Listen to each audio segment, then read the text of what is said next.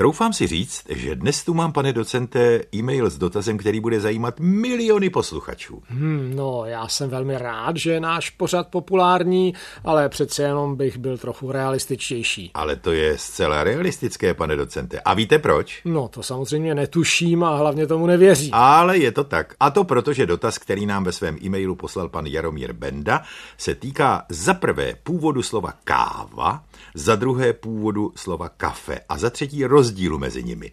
Takže při popularitě kávy jistě uznáte, pane docente, že ty miliony nejsou zase moc přehnané číslo. No, bylo by to krásné, kdyby nás poslouchalo tolik lidí, kolik je v České republice konzumentů kávy, ale já se trvávám na svém poněkud skeptickém stanovisku. Dobře, nepřesvědčil jsem vás, ale to nevadí, protože vy i tak určitě řeknete panu Bendovi, a také nám ostatním samozřejmě, něco zajímavého o kávě a kafi. I tak vidíte.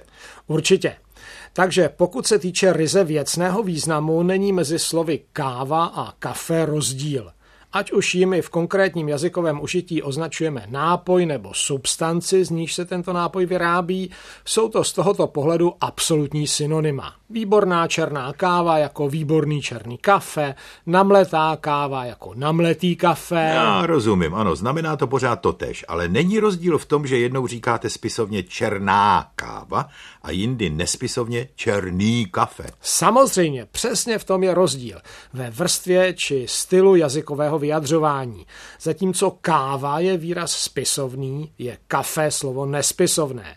Ať už obecně české nebo nářeční, to má pak i dlouhou variantu kafé. Tato identita významů ovšem z etymologického hlediska není až nějak výrazně překvapivá, protože obě slova, nebo vlastně tedy obě varianty téhož slova, mají společné východisko v arabském slově kahwa. A původ tohoto slova? Neznáme s jistotou. Nejpravděpodobnější je, že je odvozeno od jména etiopské provincie Kafa, kde kávovníky, tedy stromy z jejichž plodů se káva vyrábí, původně divoce rostly, ale je to jenom spekulace. Takže káva, nebo tedy kávovníky, pocházejí z Afriky.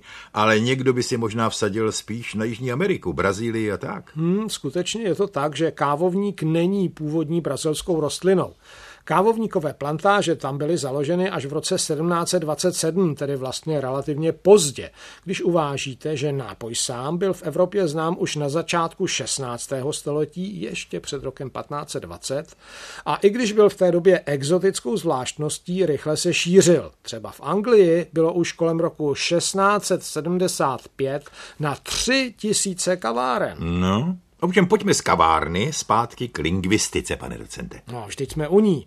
Káva totiž pronikla do Evropy z Turecka a s ní i turecký výraz kahve odvozený od toho arabského kahva. A není náhodou tohle turecké kahve prapůvodcem ba já bych přímo řekl prazdrojem toho našeho kafe? Ano, káva jako plod kávovníku, její pražením a případně i mletím upravená forma i nápoj z ní připravený, to vše do Evropy dorazilo díky obchodním a kulturním stykům s osmanskou říší. Jinými slovy přes Turecko. A proto také Evropa naprosto většinově přejala turecký výraz, který byl v různých jazycích sice různě přizpůsoben, ale vždy vycházel z tureckého slova kahve – italštině je to kafé, ve francouzštině kafé, v angličtině coffee, v němčině kafé. A proč má tedy čeština slovo káva? Nebo lépe řečeno, proč má čeština dvě hodně podobná slova, která v zásadě znamenají totež, ale jedno je spisovné, tedy prestižní, a druhé lidové? protože no, je potřeba se tady ještě jednou podívat do historie šíření kávy, tentokrát v českých zemích. Je to totiž historie docela zajímavá. Káva se do českých zemí dovážela už v druhé polovině 17. století. Aspoň v Jungmanově slovníku je uveden doklad z roku 1669, v němž se uvádí slovo káva. Tedy stejné slovo jako dnes. Ano, ale rozdíl byl v prodeji a užití kávy. K dostání byla nejdříve jako víceméně exotická vzácnost v lékárnách. Pak ale přišla změna. Roku 1714 si totiž armén křesťanského vyznání Georgius Deodatus otevřel první pražskou, jak se tehdy říkalo, kafírnu. A tehdy začali Pražané pro nový nápoj používat pojmenování kafe, protože tak zněl výraz, který Deodatus používal pro své zboží. Bylo to arménské pojmenování kávy. slovo kafe, se v tehdejší češtině rozšířilo tak, že zcela vytlačilo tu starší podobu káva. No a proč u toho kafe nezůstalo? Proč se čeština vrátila k tomu původnímu slovu káva? Ne, že bych tedy proti slovu káva něco měl, ale je to docela divné, ne? Jestli pak si, pane Rosáku, vzpomenete na jedno naše dávné povídání o tom, že slova, v nich se píše písmeno F, jsou na první pohled právě kvůli tomu F slova cizí, neslovanská. No, na to si vzpomínám, samozřejmě. Výborně. A tohle F v tom kafe, to je ten důvod. Slovo kafe se prostě v době národního obrození zdálo příliš cizácké.